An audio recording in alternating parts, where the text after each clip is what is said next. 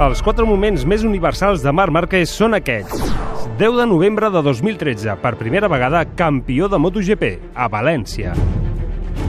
El Troja no em fa por, el Troja no em fa por, el senyor dels impossibles, el Messias del motociclisme, el tro de Cervera, t'han volgut guanyar la pista i els despatxos i no han pogut. Suau, suau, suau, Márquez a punt d'arribar.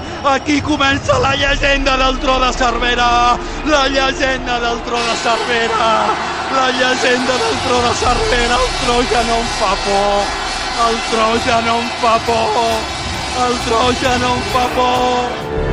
L'any següent, el Tro de Cervera arrasa amb 13 victòries, de les quals 10 de consecutives. Segon títol al Japó, un 12 d'octubre, a 4 curses pel final. Bicampió! Bicampió del món! Bicampió del món! Bicampió del món! Ichi! Ichi-san! El primer! Abonat a l'1! Abonat a l'1! Abonat a l'1! Abonat a l'1! Marc! Marc! Marc! Marquet! Trocampió, hashtag Trocampió, Lorenzo Márquez, Rossi Pedrosa, Marc Márquez, campió del món per segona vegada en MotoGP.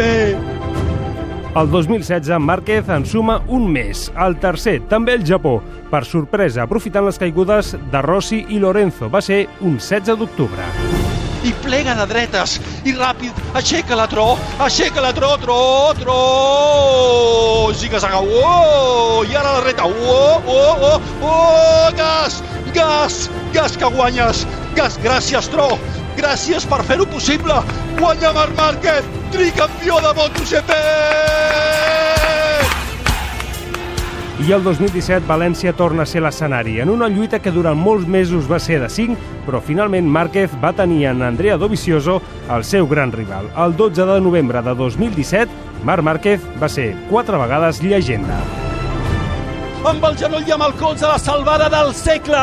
Marc Márquez, una vegada més, en moda tro. Això és una llegenda, aquest tio és una llegenda, no hi ha ningú que salvi això com ell. Tercera posició per Márquez, que no guanyarà la cursa. Ell volia guanyar-la, però no té aquesta opció avui perquè se l'ha jugada fent un altre dels seus grans espectacles de malabarisme, el messies del motociclisme.